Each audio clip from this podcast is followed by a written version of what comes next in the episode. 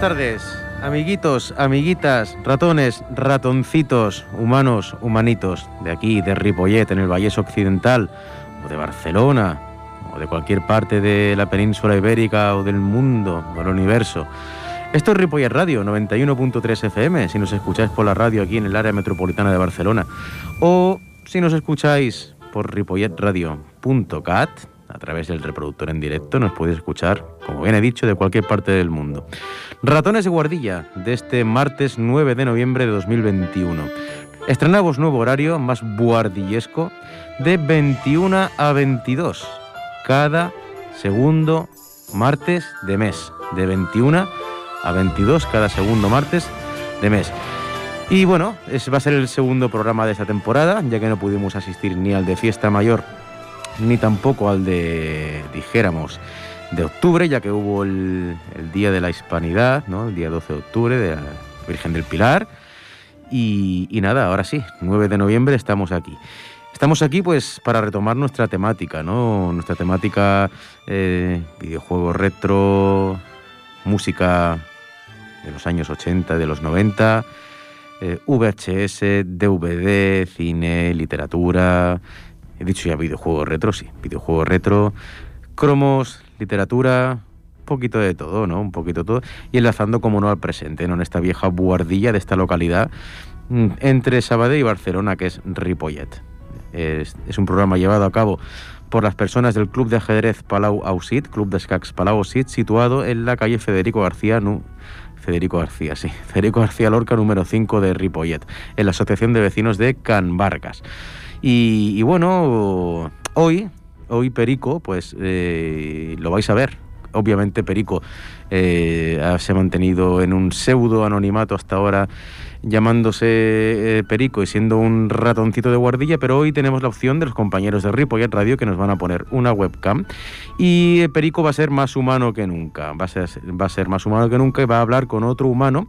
Y vamos a enlazar precisamente el universo mágico de la radio con el nuevo universo de las nuevas tecnologías online, el Twitch, concretamente canal de Twitch del señor José Miguel Arroyo, también conocido como Dama Roja 150, con lo cual este programa se puede escuchar 91.3 FM, Ripollet Radio, ripolletradio.cat y también a través del Twitch, donde nos estarán siguiendo también varias personas, twitch.tv barra Dama Roja 150.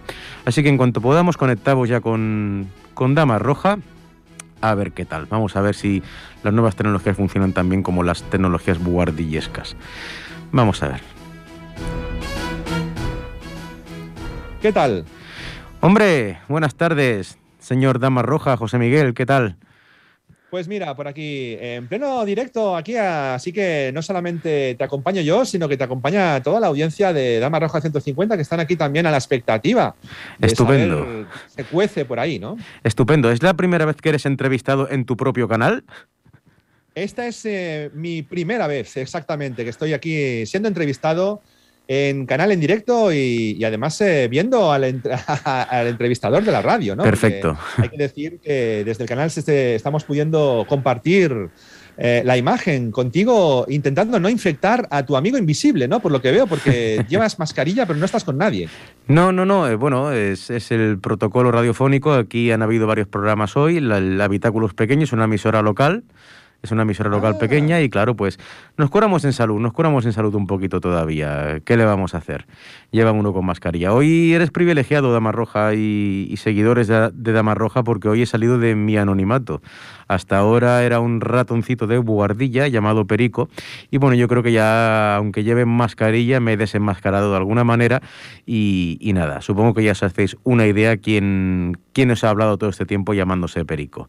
Eh, soy vuestro amigo Eloy, soy el presidente del club de Skax Palau Ausit, que es, es un club de, de, un barrio de Ripollet llamado Can Vargas. Y, bueno, que entre otras cosas, pues hacemos torneos benéficos, ¿no? Este, este sábado, pues haremos un torneito benéfico, eh, sábado 13 de noviembre, eh, a, partir de las 10 y media, 11, para ayudar a los amigos de La Palma que lo están pasando muy mal con su volcán. Dama Roja, eh, José Miguel, Josmi, veo que tienes ahora mismo unas, unas 30 personas viéndonos ahora mismo, ¿no? En directo. Sí, más o menos unas 30 va fluctuando en función del tiempo y en función también del sistema que tiene este, esta plataforma de, de emisión de vídeo en directo que se llama Twitch y que, bueno, funciona también eh, haciendo que cuando acaba la emisión de algún otro compañero que está haciendo pues algún otro programa, pues eh, es capaz de redirigir toda la audiencia que tiene en ese momento a otro canal, ¿no? Eso que nosotros en el argot lo llamamos raid, ¿no? Como, la, como, como el spray ese que mata moscas y mosquitos. Sí. Pues eh, ese, ese raid hace que toda la audiencia de un canal se la puedas dirigir a otra persona, a otro canal que sea pues, pues de, afín a, a los intereses que tú tocas, ¿no? Entonces a veces eso fluctúa, ¿no? Y, va para arriba y para abajo en función de estos rides que te digo que van sucediendo, ¿no?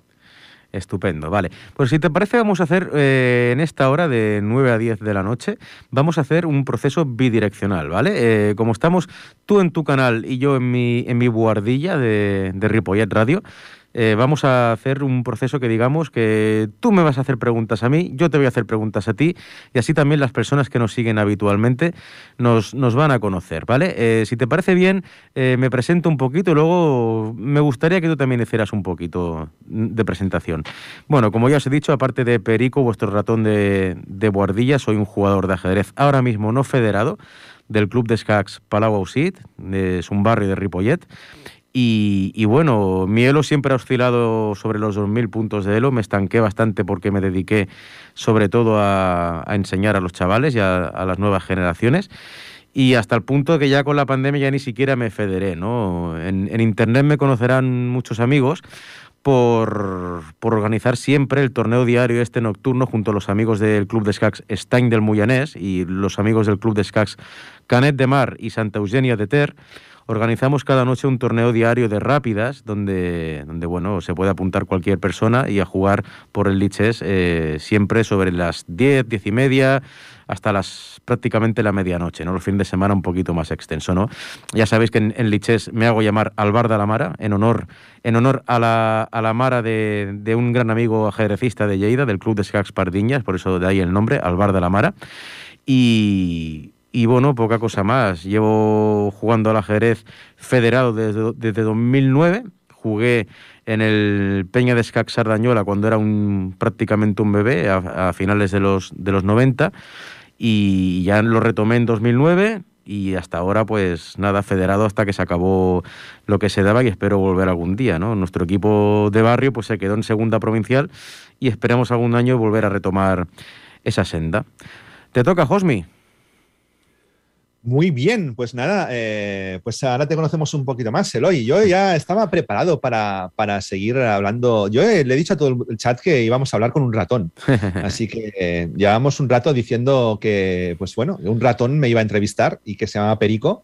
Pero bueno, ahora ya el ratón creo que ha salido de ahí y ahora pues es el, el señor Eloy, nada de ratoncito, sino eh, ya toda una persona de carne y hueso. Y bueno, lo cual nos alegramos. Pues bueno, mi historia, mi historia con el ajedrez en concreto es, es, de algo anterior, ¿no? Yo ya tengo mi edad, yo ya, digamos que puedo jugar el torneo de veteranos bueno. para situarnos.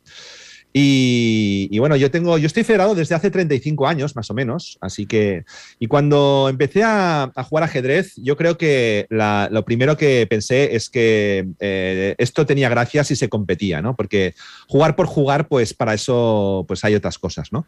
Pero ajedrez, el ajedrez en sí es un juego de estrategia, que la verdad es que la estrategia, pues es, es muy chula, y, y, bueno, te hace pensar, te hace razonar, tiene una serie de connotaciones que luego, si queréis, eh, entramos en ellas pero que mm, sobre todo, por encima de todo, desde mi punto de vista, había que competir para medirte con otros rivales y a partir de ahí, pues, eh, ver de cuáles son tus fortalezas ¿no? y tus debilidades, por supuesto. Así que yo empecé directamente, estoy federado desde hace 35 años y eso quiere decir que estaba eh, pues, eh, trabajando con, la, con, con, el sistema que había anteriormente. Había tercera categoría, segunda categoría, primera categoría. Luego pasabas a preferente y después tenías eh, eh, la categoría preferente especial, que eso ya era la bomba, ¿no? Los cracks, ¿no? Y a partir de ahí lo siguiente ya era maestro catalán en el caso de Cataluña o maestro regional. Y pues bueno, el resto de categorías que ya sí que son conocidas, como por ejemplo maestro FIDE, maestro internacional, en fin, esa era la carrera armamentística del ajedrez, ¿no? Bueno, en la FIDE hay que decir que para tener el OFIDE antes eh, necesitabas hacer tramos y hacer cosas y yo me puse entre pecho y espalda la obligación de, tener el OFIDE y para hacer eso teníamos que jugar eh, una serie de campeonatos y solo puntuabas eh, si conseguías hacer tres campeonatos bien y, puntuar sobre jugadores más fuertes y con eso conseguías meterte a optar para tener el OFIDE y, y bueno, pues en su día lo conseguí. Así que partí, la gente que entraba con el OFIDE partía siempre habiendo conseguido por encima de 2.000 puntos de ELO, si no, no podía ser tener el OFIDE. Esto de, tener un ELOFIDE de 1.300, esto es totalmente actual, bueno, actual de los últimos 15 años, ¿eh? claro. Para mí, en función de eso, pues lo puedo llamar actual, ¿no? Y, bueno, la, situación era esta, ¿no? Eh, yo quería eh, tener el OFIDE, lo conseguí, estuve trabajando un montón para, para hacer eso y a partir de ahí pues me encontré con que por mucho que trabajes, siempre hay alguien que sabe más, ¿no? Y por mucho que sepas, siempre hay alguien que te repasa y también es cierto que siempre hay alguien a quien tú puedes ganar, ¿no?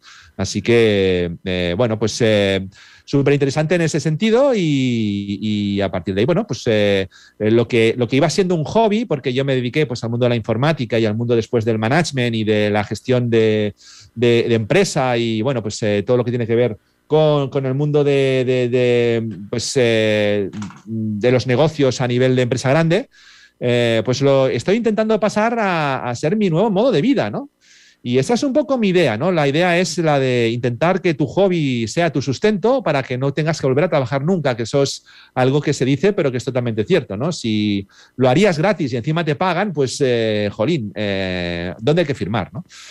Entonces, bueno, pues con la pandemia eh, acabó mi proyecto y en vez de empezar uno nuevo, hice una pausa en mi vida profesional y le dediqué pues, eh, pues un tiempo, eh, decidí dedicarle eh, un año a ver si esto pues, eh, pues tiene color, ¿no? Y pues le puse todo el empeño y todo, todo lo que de lo que soy capaz para ver si puedo hacer de esto pues mi nuevo modo de vida, ¿no? Un modo de vida que simplemente pues eh, me tiene que intentar cubrir por lo menos los gastos, ¿no? Nada más, no estoy buscando para nada hacer nada más de que de esto un nuevo modo de vida para que me pueda dedicar pues mucho tiempo, ¿no?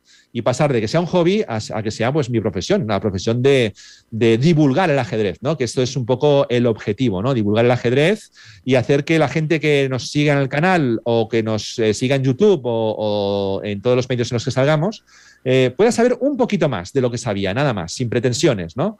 Eh, esa es un poco la idea, Eloy. No sé si me estoy enrollando mucho. No, no, no, no. Se, agradece, de verdad que se agradece porque es, lo, que siempre hemos dicho, ¿no? Que, has puesto muchísimas horas de empeño en, un canal de calidad, es decir, mm, conozco varios streamers de ajedrez, todos tienen su miga, todos tienen su qué, todos tienen sus puntos fuertes y sus puntos no tan fuertes, pero yo la verdad, y lo, hemos hablado muchas veces con la gente del club, lo hemos hablado con otros streamers de ajedrez que son amigos, ¿no? Porque, por ejemplo, al a quien queremos mandarle, por ejemplo, un afectuoso saludo es a Cardiff, Cardiff Uriol de Lleida, que, bueno, que me inició un poquito en este mundo del, del Twitch y el ajedrez, que él también tiene un, canal bastante currado de entrevistas y de, y de divulgación de ajedrez. Y, bueno, eh, lo hemos hablado muchas veces con Cardiff y con, mi propia pareja, con algunos compañeros del club, y hemos visto que tu canal es un canal de alta calidad, ¿no? que hay muchísimas horas invertidas en hacer un guion, en hacer un fondo, en, en, bueno, en hacer unas unidades didácticas de alguna manera, que tiene valor pedagógico, sigues un orden lógico, tienes secciones que no simplemente son lecciones de ajedrez, sino que un punto de vista un poco más amateur para jugadores inferior a 2000. Eh, estamos hablando de que no solo haces torneos, no te dedicas solo a, que la gente vea cómo tú juegas, sino que también eh, propones, haces participar a, los espectadores con carreras de ajedrez, eh, con con problemas de ajedrez en, carrera, ¿no? lo que es un, puzzle racer, ¿no? dijéramos aquí en, en Lichess. Y, bueno, y también con un fondo histórico bastante importante, ¿no? que, que, bueno, que te has documentado y que has tenido tus propias secciones temáticas en base a una apertura, pero no solo a esa apertura, sino al jugador que la inventó o la innovó o la perfeccionó. ¿no?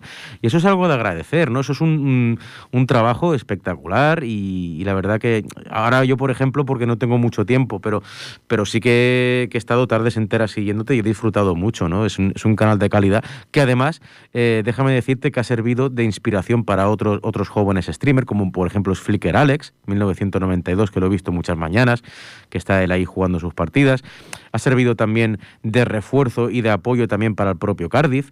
Eh, has enlazado también con muchísimos otros streamers de ajedrez de toda la península ibérica y de, y de más allá, ¿no? De cruzando el charco, ¿no? Como se dice que hay muchas personas que, bueno, con lo que has, creado nexos, ¿no? Dijéramos una red y, se ha creado una, auténtica familia de, streamers en, en, español o incluso en catalán, de aquí de la zona del área metropolitana de Barcelona, que, bueno, que comparten contenido, que lo que tú dices, hacen raids, eh, se fomentan los unos a los otros, y es una fusión también perfecta entre lo que es el ajedrez presencial, que está, se está retomando por fin, y el ajedrez, dijéramos, virtual, ¿no? O, mm, por plataformas, o, por, dijéramos, por online, ¿no? Y, y, se ha conocido mucha gente gracias a ti, José Miguel, se ha conocido mucha gente, porque sabes que Twitch mm, automáticamente te sugiere nuevos canales relacionados, y incluso Cardiff y otros streamers tuvieron la valentía este verano de hacer una batalla de canales un domingo por la tarde. O sea que estáis haciendo un proyecto muy bonito, es una alternativa y que está teniendo continuidad después de, todo esto que nos está asolando pues ha tenido una continuidad muy, muy buena y, buena recepción, ¿no? Y además ahora que viene el frío y uno está más horas en, su guardilla o en, o en, su casa, pues puede eh, ver realmente el, esta alternativa, que es una alternativa a la televisión tradicional, que desgraciadamente últimamente se está convirtiendo más que nunca en televisión basura, ¿no? que todos son malas noticias, todos son, todos son manipulación de datos a un antojo. Eh, la alternativa es salseo, ¿no? Es no está perdiendo muchísima calidad. Sin embargo, aquí sí que es cierto que he de reconocer que es un trabajo documental muy importante y, que estáis haciendo un buen trabajo y siga así y que ojalá y que ojalá eh, trabajando de lo que te guste y siendo tu, modo de vida, ojalá que te dé eh, no solo beneficios emocionales y beneficios que te den placer, sino que también te repercuta un poquito también a nivel económico una ayuda, porque es un trabajo lo que estás haciendo que no está pagado. Es muchísimo trabajo, José Miguel.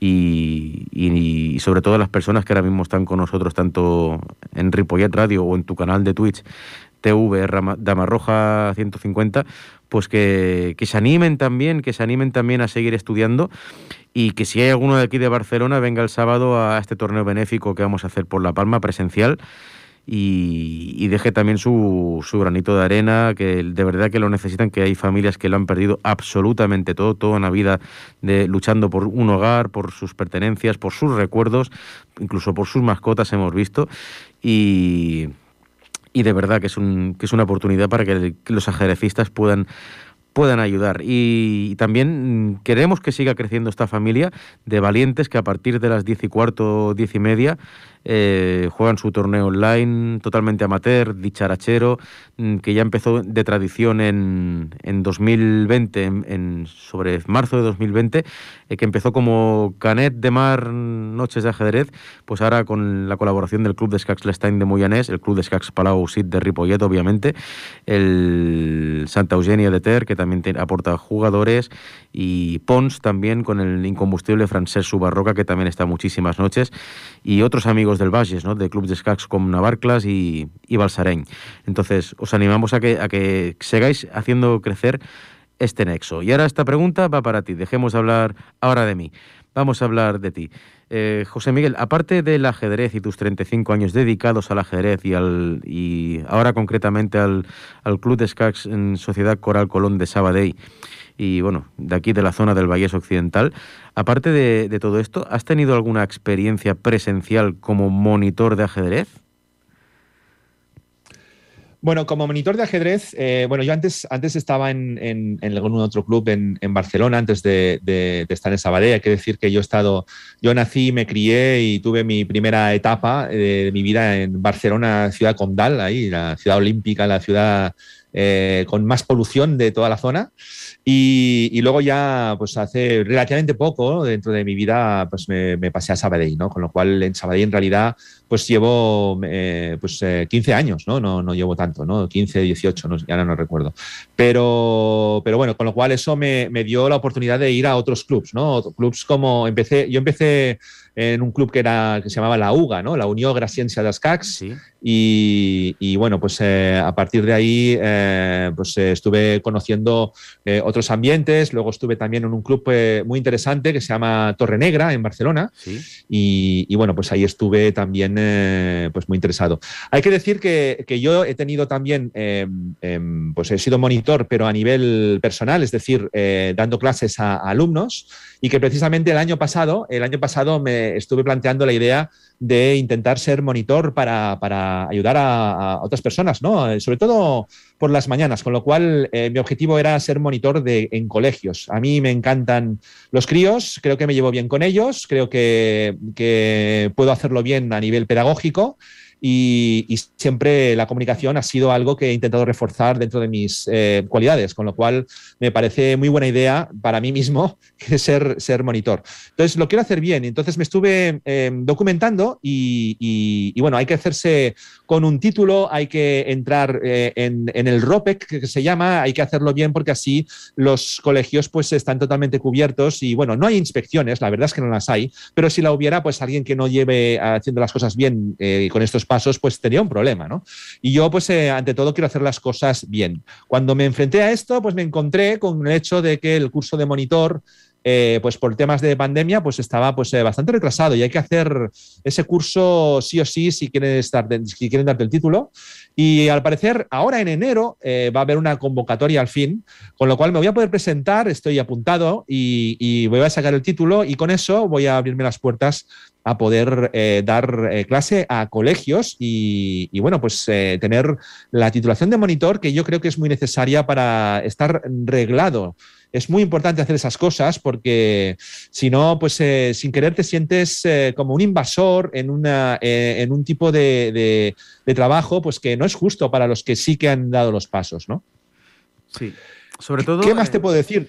Te puedo decir, te puedo decir otra cosa y es, y es el hecho de que uh, una cosa es, desde mi punto de vista, hacer de monitor de ajedrez en un colegio y otra cosa es preparar a una persona que le gusta el ajedrez. Porque hay que diferenciar dos aspectos en el ajedrez, que es muy importante esto. El ajedrez para disfrutar y el ajedrez para competir. Y se enseña diferente. Y esto es muy importante. No sirve de nada eh, que cojan a un jugador muy bueno, que lo pongan en una clase de 25 chavales y que esa persona empiece a explicar ajedrez desde el punto de vista de prepararlos para la partida del domingo, porque no juegan los 25 el domingo. Es más, están allá viendo pues una actividad nueva, han dicho ajedrez, pues bueno, a ver qué pinta tiene y en realidad pues lo que quieren es disfrutar el momento. Y sí que es cierto que de los 25 habrá cuatro que querrán competir como, como cosacos, ¿no? Y con el, la navaja entre los dientes. Pero los otros 21, pues, eh, pues los vas a echar para atrás como, como hables de competición y de darlo todo y esa es mala y por qué y tal. O sea, es, totalmente diferente, ¿no? Sí. No sé qué opinas tú sobre el tema. No, eh, bueno, mm, varias fases de tu aportación. Eh, la primera me ha llamado la atención. Mira, yo ahora mismo, José Miguel, estoy estudiando segundo y tercero de educación infantil y primaria. ¿vale? Yo en mi momento, pues, estudié el grado de humanidades. Fuimos de los primeros grados que hubo con el plan Boloña. Y bueno, era mi pasión, pero eh, ¿qué ocurre? No tiene mucha salida y tiene pocos trenes que puedas aprovechar, ¿no? Luego necesitas, pues, máster, necesitas prácticamente hacer oposiciones y, un doctorado si quieres seguir la línea de investigación, ¿no?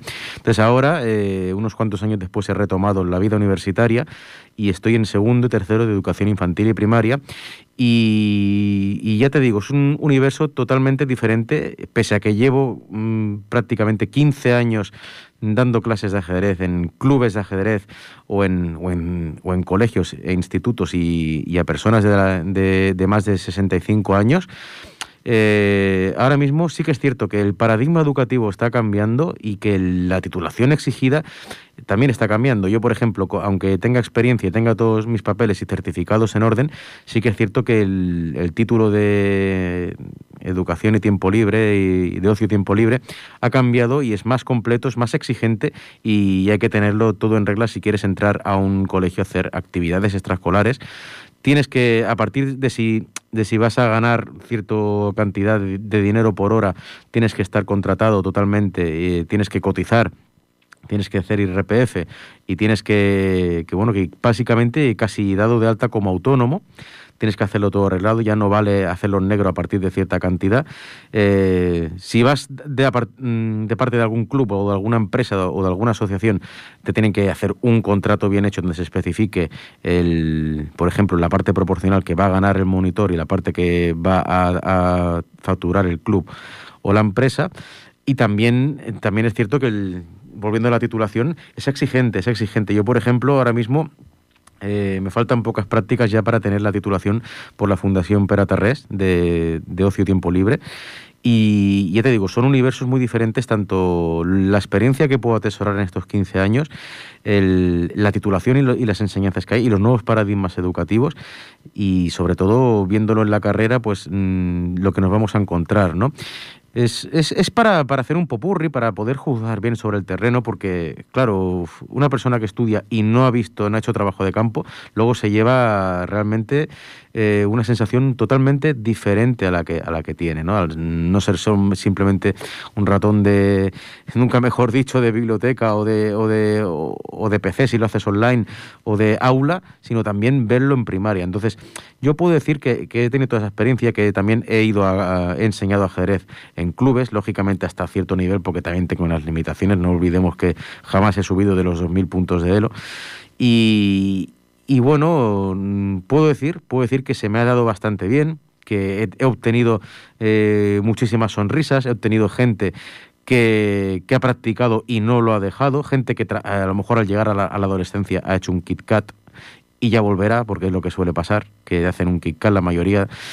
He llevado a, chavales en campeonatos de Cataluña de edades, campeonatos de España de edades, en Cataluña de edades por equipos, como este que se ha celebrado hace poco en, en Santa Susana.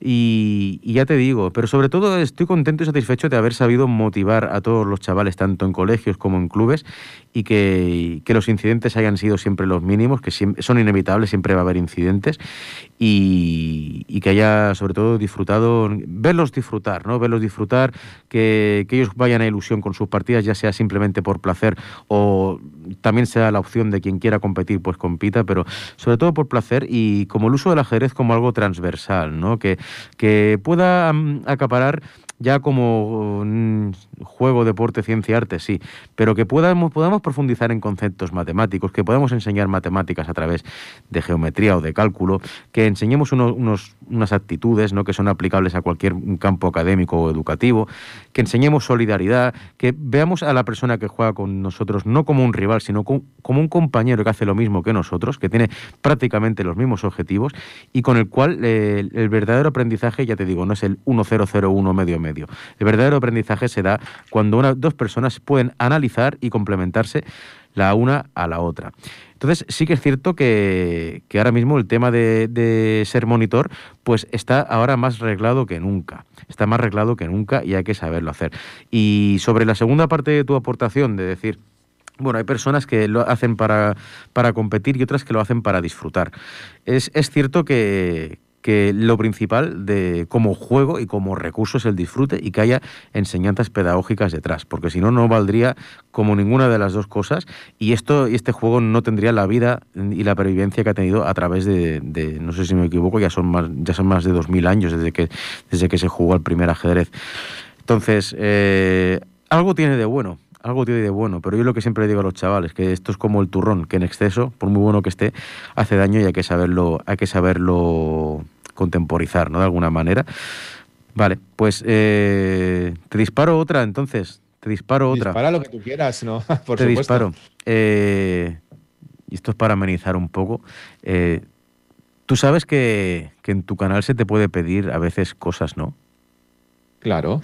Y sabes que a veces nos has deleitado con, con bailes, ¿no? Hombre, y tanto. Es que, a ver, ¿sabes qué pasa? Que yo el, tema del ridículo lo tengo bastante, mm, pues no sé, tengo un problema porque no tengo ridículo. O sea, podría tener un poquito más, ¿no? Pero tengo tan claro que, cada uno es como es y que eso pues no, genera para mí ninguna eh, inseguridad, que, el ridículo lo he dejado siempre aparte, ¿no? Entonces, eh, yo, los streamers tenemos una ventaja que damos la cara, ¿no? Damos la cara el primer día en el minuto uno. Con lo cual, si la gente está en el minuto dos, es que ya, ya, ha aceptado tu cara. Que eso es lo más difícil. A partir de ahí, eh, eh, todo lo demás, pues son buenas noticias, ¿no? Si la gente se queda y es porque, bueno, pues más o menos, pues eh, les, encaja lo que escuchan, lo que ven y, lo, que, lo que le disfrutan, lo, que les hace disfrutar, ¿no? Entonces, a partir de ahí, pues claro, uno va perdiendo un poco el, pues la vergüenza, ¿no? Eso si la tuvieras. Pero si ya partes de que no la tienes, entonces la cosa es complicada. De hecho, yo tengo más bien una vergüenza de no tener vergüenza, que es un poco así eh, esotérico, pero tengo vergüenza de no tener vergüenza, ¿no? De que, bueno, pues soy el que siempre he tenido que, en, a mi alrededor, eh, pues, eh, pues sacar las castañas del fuego en situaciones en las que alguien tiene que dar la cara. ¿Quién va a hablar con, con ese? Pues ya voy yo. ¿Quién no sé qué? Un necesitamos a alguien que salga al escenario a hacer no sé qué. Y yo, pues ya, ya estoy yendo, ¿no? O sea, quiero decir, no, nunca he tenido problemas con eso. Y, bueno, pues eso me ha hecho pues hacer un poco el ridículo sin que yo me sienta ridículo, que eso está muy bien. Porque tú vienes también del mundo, del mundo de la música, ¿no? Si no me equivoco, también habías trabajado como DJ, ¿puede ser? Sí, sí, sí, sí, sí, sí, sí, sí. Sí, bueno, trabajé en el mundo de la noche. Trabajé, en el mundo de la noche. Eh, tenía, pero esto ya, claro, hace no me tenéis que imaginar con, esta jeta y con estas canas, ¿no? Me tenéis que imaginar pues, eh, pues eh, con, 30 años menos, ¿no? Porque, o con 25, que esa es la idea. Yo me, dediqué a, Yo tenía un hobby eh, que ha sido equivalente al del ajedrez. Tengo que decir eso porque eh, he tenido un hobby muy fuerte, muy fuerte eh, y solo equivalente al ajedrez. He tenido dos hobbies en mi vida eh, y después varios subhobbies, pero hobbies principales he tenido dos, ¿no? Y el, sin duda los dos más fuertes son el ajedrez, al que me dedico con cuerpo y alma desde que tengo uso de razón y ahora me estoy queriendo dedicar a ello. Pero el otro, el otro que me dio muy fuerte fue el del billar, ¿no? el billar. Primero primero el, billar conocido como billar español o billar francés, no me quiero meter ahí, ¿no? Eh, el billar sin agujeros. Y después me pasé, por, mi amor al mundo yankee, al mundo americano y todo eso, me, pasé al, al billar americano. El billar americano, que es lo que todo el mundo conoce pues, eh, de forma más sencilla, ¿no? Pero en realidad billar americano es, es eh, englobarlo todo en un saco, cuando en realidad hay muchísimas disciplinas, ¿no? Existe la disciplina del bola 8, del bola 9, de algo que se llama straight pool, en fin, hay una serie de disciplinas. Y sobre cada una de esas disciplinas, pues hay campeonatos, campeonatos que a lo mejor en España no son tan importantes, pero a nivel de Europa y sobre todo a nivel de América son súper importantes. Entonces, pues bueno, yo eh, me dedicaba a jugar eh, la Liga Internacional y, de hecho pues eh, he estado jugando muchas veces la Liga Nacional, he viajado por toda España jugando a villano americano, jugando sobre todo a bola 8 y a bola 9. Entonces me conozco toda España de, haber ido con mi taco recorriendo pues un montón de, de sitios, ¿no? Y por supuesto, pues era, era fantástico. Entonces he tenido He estado rankeado a nivel, a nivel español entre los, eh, ¿qué te diría yo? Entre los 30, 40 mejores jugadores de, de, pool, se le llama pool, nosotros no lo llamamos eh, billar americano, lo llamamos pool, pero nunca, nunca he llegado a, destacar suficiente como para, como para valer como jugador, ¿no? Es decir, eh, tal vez a nivel de, de pool, de billar americano, eh, si quisiéramos hacer eh, una, semejanza con el mundo del, ajedrez, pues em, imagínate que sería un 2400 o un 2500 eh, el OFIDE en pool, ¿no? Aún así, con, siendo 2500 el OFIDE en pool, tú sabes que con 2500 pues difícilmente jugando ganas dinero, o sea, tienes que hacer otras cosas, ¿no? Gracias a que eres 2.500, pues un club te contrata para jugar la liga, otro para que des clases, otro para que pongas la cara, otro para que patrocines, pero eh, jugando campeonatos no ganas dinero, ¿no? para ganar dinero jugando campeonatos tienes que ser de la élite de los 2.700, ¿no? En pool pasa lo mismo. En pool eh, solo los elegidos ganaban el dinero suficiente para, poder jugar el, circuito y, poder vivir de ello, ¿no?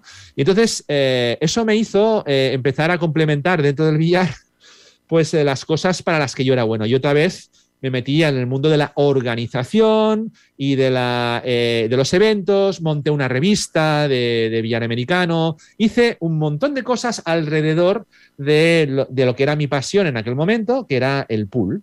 Entonces, como no era suficiente buen jugador, esto es así y quería dedicarme a eso, pues, eh, pues bueno, entonces eh, organicé campeonatos unos campeonatos que hay que decir que los ganadores se iban a Las Vegas con todos los gastos pagados a jugar un supercampeonato en Las Vegas eh, eh, de una liga que se llama la VNA, de, bola 8, en, mesa de, comercial de, bar. Y, eran súper interesantes, ¿no? Entonces, eh, apliqué los sistemas de, de, organización de campeonatos. De, bueno, hay unos sistemas, se llaman Round Robin, que eh, un poco son, eh, bueno, cogí el, aprendizaje de cómo se monta todo esto en, el fútbol, porque en el fútbol está todo mucho más avanzado. Entonces me empapé de todo lo cómo llevan el fútbol y lo apliqué al billar. Entonces lo apliqué al billar y monté ligas catalanas, ligas de Barcelona, de bares contra otros bares, eh, la liga de los lunes, la de los martes, la de los miércoles, la de los jueves. Me dedicaba pues, pues a eso. Y, entonces, eh, bueno, eh, como me iba el mambo, la salsa y de todo, pues, ¿qué más podía hacer? Pues si, si había otra pasión, que es una, es una pasión que, digamos, que es transversal, era la música. Y como conocía un montón de bares y, todo el mundo me conocía, ¿no? Eh, en el mundo de la noche, hace 25 años, en cualquier local de Barcelona y provincia, e incluso yo te diría de muchas partes de España, si tenía una mesa de billar que fuera operada por, por, la marca que patrocina este campeonato de Las Vegas, me conocían. Todos.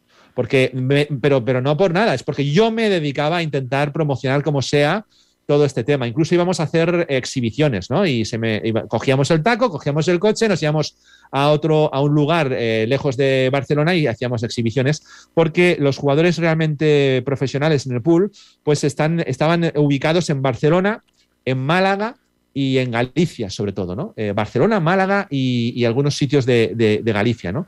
Luego enseguida salió Madrid por un tema de densidad de población, ¿no? En Madrid también eh, salió gente buena y después ya eh, hubo un boom y entonces ya se repartió por el resto de España y en todos los sitios te encontrabas con un crack, ¿no? Pero antes no, antes los cracks estaban el crack de Barcelona, el crack de Madrid, el crack de Valencia, el crack de Coruña y cuando había un campeonato venían todos de allá y eran 12 los cracks, no había nadie más, ¿no? Todos los demás simplemente pues estaban intentando ver si jugaban con uno de los 12, como lo mismo que nos pasa a nosotros cuando nos apuntamos en un campeonato y queremos que nos toque un GM. ¿Para ganarlo? No, hombre, no, para decir que he jugado con un GM. Y luego, ¿cuál es mi ilusión? Mi ilusión es aguantar a la jugada 18 y si puede ser la 20 con algo de perspectiva. Luego me revienta y yo firmo y además eh, me traigo una camiseta para que también me la firme. Pero, pero la idea es, no es ganar, es intentar ahí pues, disfrutar el momento, hacerme una foto con él y demás. Pues había 12 jugadores en España que tenían ese, ese glamour, ¿no? Y eso era el mundo del billar, ¿no? Entonces, a partir de ahí, pues eh, se, se, complementó mucho y además... Eh, me pidieron luego que montara ligas de futbolín, ¿no? De, futbolín, de dardos, y, se me complicó la cosa, ¿no? La cosa se complica enseguida, porque cuando ven que la cosa tira, dices, oye, ¿y si esto lo aplicamos al mundo de los dardos? Pues claro que sí. Y venga, 301, 501, total, que yo me levantaba a las 3 de la tarde. o sea, yo me desayunaba a las 3 de la tarde, ¿no? Y, lo demás no te lo cuento. Pero mi, eh, mañana era a las 3 de la tarde y el resto era pues la noche eh, y pues seguida de todas las cosas que podían ser, que, bueno, pues eso era el, billar y, cómo no. Entonces, eh, los viernes y los sábados, e incluso algún jueves, pues, pues me dediqué también a, pinchar eh, de disc jockey en, en, unos bares musicales, ¿no? sobre todo en uno, en, Barcelona. Y nada, pues, pues todo complementado con la noche, o sea, horrible. Un, un perla, un perla que dicen ahora. Bueno. Pero bueno, me tuve que reciclar, ¿eh?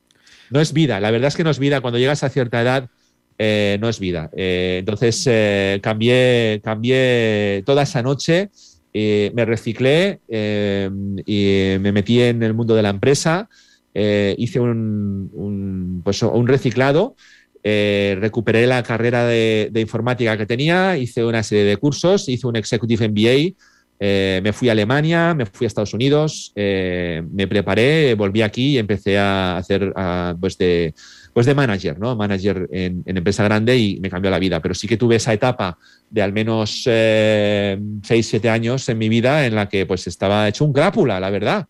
Pero bueno, es, es un poco la, eh, una, experiencia más ¿no? que tienes en la vida y que te ayuda también. ¿no? De todas maneras, eh, espectacular, es polifacético, muy polifacético. Josmir, muy... Has hecho muchas cosas, has hecho muchas cosas y has sido bueno en muchas cosas, ¿no?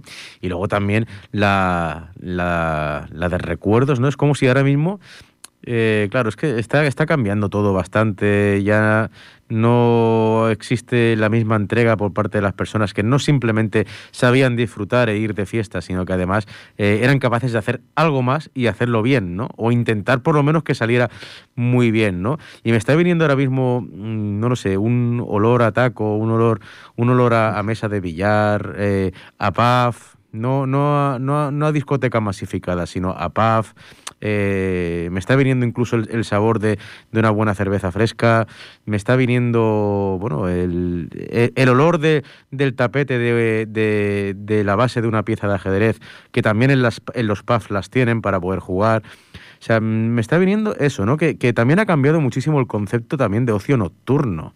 De ocio nocturno, donde las personas sabían combinar mm, sus aficiones y sus, y, sus, y sus gustos musicales, ¿no? Hoy en día, a veces cuando ves la imagen masificada de discotecas de bebés, porque ya son bebés, ya no estamos hablando de personas de, entre 16 y, 25 años, sino estamos hablando, o quien dice 25 dice 45 o 75, da igual, pero, pero porque hay gente, hay gente que sigue saliendo de fiesta después de los 40 y más allá, ¿no? Y por supuesto, es una personas mm, vitales y con muchísima energía y que les gusta, oye, adelante. Pero mm, yo lo que veo muchas veces es discotecas masificadas, mm, sitios masificados de, niños de 12, 13, 14 años, que dices, eh, cuando llegues a los 20, ¿qué vas a hacer, hijo mío? Si es que a veces es beber por beber, sin ningún tipo de mesura, eh, cosas que no les tocan hacia ahora, un sobreestímulo quizá por las nuevas tecnologías que llevan viviendo desde que nacieron. están, fallando, están fallando en la inculcación de algunos valores, también desde casa. Entonces eh, se ve todo esto y sí que es cierto que es que habiéndote escuchado todo esto, digo, caray, es que cada vez nos sabemos divertir menos, nos sabemos divertir menos, sabemos saborear menos las cosas, sabemos ser menos eclécticos, dijéramos, ¿no? Nos cerramos en algo y es, mm, sin más, sin más, nos cerramos y no nos abrimos. Y no nos abrimos, y no, no pensamos en, en, enriquecernos nosotros mismos o enriquecernos gracias a los demás. No, no tenemos inquietud, ¿no? Entonces, una de las ideas con las que se fundó este pequeño club de barrio, es un club muy pequeño, ¿eh? ya te digo, ya ha estado a punto de desaparecer por la pandemia y todo, fue eso, ¿no? De, fusionar un poquito lo que es el ajedrez, fusionar un poquito lo que es la cultura, los videojuegos retro, ¿no? Videojuegos antiguos que tuvieran unos valores y que, tuvieran un nivel de dificultad más elevado de los que hay hoy en día quizá con un grado menos de, violencia, ¿no? Eh, vincular un poquito las cositas eh, recuperar de alguna manera momentos como por ejemplo ver un, un buen VHS con una pizza un viernes eh, jugar al, algún juego de Mega Drive algún juego de Super Nintendo no que, que también los pequeños vean cómo, cómo, mm, sabíamos disfrutar no generaciones anteriores y, y, no nos ha ido tan mal sin las, sin las nuevas tecnologías. No nos ha ido tan mal entonces, eh, yo no digo que volvamos al pasado, pero que sí que, aprendamos un poquito de, cómo sabíamos disfrutar, ¿no? Una buena partida de ajedrez, una buena película, un, buen foro de debate cultural, un itinerario histórico por aquí, por el Vallés, por ejemplo.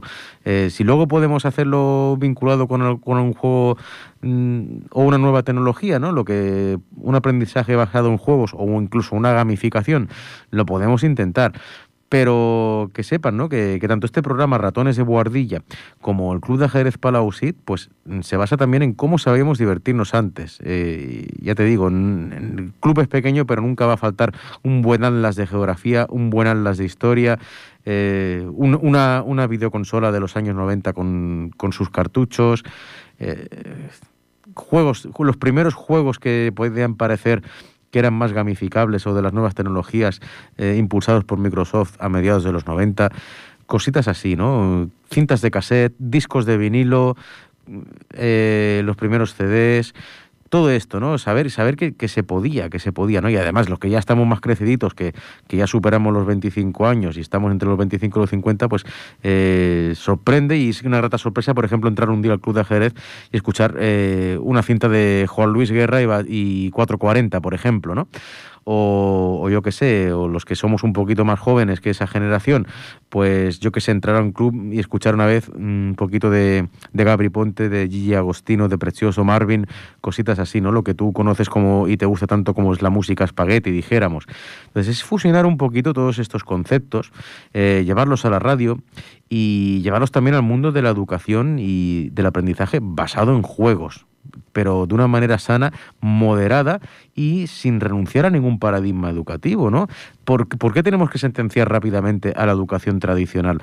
¿Por qué tenemos que sentenciar rápidamente a la educación libre o a la educación mixta? No, yo creo que la vida son términos medios y se puede coger lo mejor de, cada filosofía, lo mejor de cada método, lo mejor de cada didáctica y siempre lo que hay que intentar tener es un valor pedagógico y fomentar el respeto por uno mismo, el respeto por los compañeros, el respeto por las personas mayores que están ahí contigo ayudándote y también, dijéramos, el respeto por el material. Entonces, es, dijéramos esto, esta es la filosofía, la filosofía del club.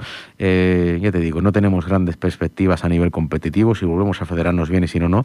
Y sobre todo asociacionismo, ¿no? Ayudarse con otras entidades del pueblo, ayudarse con otros clubes pequeños y, como puedes ver, no estamos cerrados, ni mucho menos, a eh, bueno, pues a, iniciar un camino que inició Cardiff, eh, Uriol Cardona de Lleida, eh, Cardiff, que inició este camino, pues intentar eh, conectar todos los streamers de ajedrez y, ¿por qué no?, también otros streamers con otros valores culturales o, pedagógicos, ¿no? Que, seamos una familia tanto la, magia de la radio tradicional como estas alternativas, estas nuevas tecnologías de YouTube, de Instagram o, como es tu caso, Dama Roja, Twitch. Cuéntanos un poquito este, estos 10 minutitos que quedan ¿Qué habéis hecho hoy en el canal de Twitch? Estos cinco últimos minutos, va. Bueno, pues eh, hoy, eh, ¿qué hemos hecho hoy en el canal de Twitch? Pues mira, lo que hemos empezado haciendo es eh, revisando una apertura para, dejar clara la sexta parte de la serie que tenemos. Yo estoy basando mucho el estudio de las diferentes partes del ajedrez eh, en función de su necesidad y de, su importancia. ¿no? En este caso, la apertura que estábamos hablando era la apertura de los cuatro caballos y eh, lo hemos partido en una serie con seis capítulos en los que hemos ido tocando cosas y hoy tocaba hablar del último de ellos, que es eh, la visión de la apertura de los cuatro caballos desde el punto de vista de las negras. la verdad es que lo, hicimos ayer, pero, pero una vez expliqué esta visión, eh, entraron en directo eh, algunas personas, en concreto uno de nuestros colaboradores, al que quiero mencionar, que es eh, Gonzalo, que es pues un erudito del ajedrez. con su juventud sabe un montón y además pues está ayudando mucho al canal. Y, bueno, pues aportó muchas ideas sobre lo que yo había preparado durante horas con respecto a, ese punto de vista de, la, Cuatro Caballos. Y eso, eso es muy de agradecer y sobre todo que somos personas que sabemos eh, pues agradecer los aportes de los demás, pues eh, lo que hicimos ayer fue añadir todo el material y todas las novedades y todas las líneas interesantes que, comentó este jugador, Gonzalo, y hoy lo hemos vuelto a, emitir de una forma mucho más completa, con lo cual esto es eh, muy de agradecer para la gente que lo estaba preparando. Y eso después lo llevamos a YouTube, y en YouTube tenemos ahí los seis capítulos, así que eh, ahí estarán publicados. Hay que decir que en YouTube yo estoy lanzando todo esto con un gran esfuerzo porque cada día emito un vídeo nuevo en YouTube e intento que sea una pieza de valor, sobre todo de interés para el mundo del ajedrez. No tengo tanto tiempo como para poner efectos, transiciones y dejarla perfecta, eh, pero sí que intento que el contenido sea pues, de, agradecer, ¿no? Y como digo, eh, eh, estamos emitiendo una pieza diaria nueva en el, canal de YouTube. Y eso es lo que hemos hecho en la primera parte. Luego en la segunda hemos inaugurado una sección nueva que se llama el chat contra el streamer, ¿no? o contra un jugador. Eh, muy interesante porque a través de una plataforma el, sistema es capaz de leer el chat de tal manera que yo juego una, hago una jugada y luego el chat va votando, va diciendo jugadas y la jugada que más haya dicho el grupo de chat que quiere participar, pues es la que el sistema juega contra mí. Así que yo juego una jugada y, el, y los que están viendo el directo empiezan a proponer como cosacos ahí cosas y, el, y la jugada más votada es la que, la, que hace la máquina contra mí. Entonces eh, se puede decir que es eh, el chat contra mí, todos eh, contra uno, ¿no? Entonces, eso no lo he dejado solamente relegado a mí, sino que además he intentado que puedan participar otros, con lo cual, por ejemplo, he invitado a Flickr Alex a que sea el, centro de, esa pelea y hemos jugado todo el chat contra Flickr Alex, ¿no? Y también hemos invitado también a Kamikaze del tablero, que es eh, otro asiduo y tremendo jugador del canal, que también ha jugado contra, contra el chat, ¿no? Y hay que decir que hemos jugado estas tres partidas y que se han ganado las tres. Las, las, tres las ha ganado un único jugador, con lo que genera, pues, eh, eh, la verdad es que un experimento social muy interesante, ¿no? Porque en el chat había gente mucho más buena que cualquiera de nosotros tres por separado. Pero juntos han hecho que el nivel haya sido un nivel medio, no suficiente como para superarnos a ninguno de los tres por, por separado. Así que ha sido una experiencia muy interesante Genial. que vamos a repetir sin duda. Genial, Jormi. Mira, eh, es que estamos disfrutando tanto que, es que se, me ha, se hecho muy rápido, pero como bien sabes, este programa dura de 9, de 9 a 10. Eh, volveremos a invitarte. Jormi, para que sigamos con más temas, sigamos con más temas, porque de verdad que es contenido de calidad, haces disfrutar a la gente, buenas dinámicas, haciendo participar a tus seguidores, a lo que se conoce también como oyentes, y están ahí. Y te animo a seguir con tu proyecto, con este contenido, con este material didáctico, eh, te estás dejando la piel. Y siga así, siga así porque de verdad es de valorar lo que estás haciendo es de alta calidad. Entonces, te animo a seguir. Una última cosa, Jormi, ¿te gustan los juegos retro? Eh, tipo Larry, me acuerdo de Larry. Yo es que siempre me acordaré de Larry, porque fue mi primero y, ahí estaba, ahí, estaba, ¿no? El, pues, Larry, eh, pero bueno. Para, para ti y para todos los que estáis en el canal, eh, hoy he estado en una tienda en San Pera de Rivas, al lado de Sitges. se llama Irun Games. Si algún día queréis pasar, pasaros porque es un paraíso. Vale, que lo tengáis en cuenta. Irun Games, en Sitges. perdón, en San Pera de Rivas. Lo podéis buscar por internet. Y con esto, y con esto, eh, Jormi, nos, nos tenemos que ir porque viene. La radio cierra, a las 10 de la noche cierra aquí, oye, es, es esto. ¿vale? Y seguirá su programación de otra manera, ¿vale? Muchísimas gracias Damarroja 150, Jormi, a las personas que nos habéis seguido a través de su canal Damarroja 150 y de Ripollet Radio Puncat y del 91.3 FM. Nos vemos en el siguiente Ratones de Buardilla del segundo martes de diciembre de 8 a, perdón, de 9 a 10 de la tarde noche. Un abrazo para todos y sed felices. Chao, chao, gracias. Adiós. Hasta luego.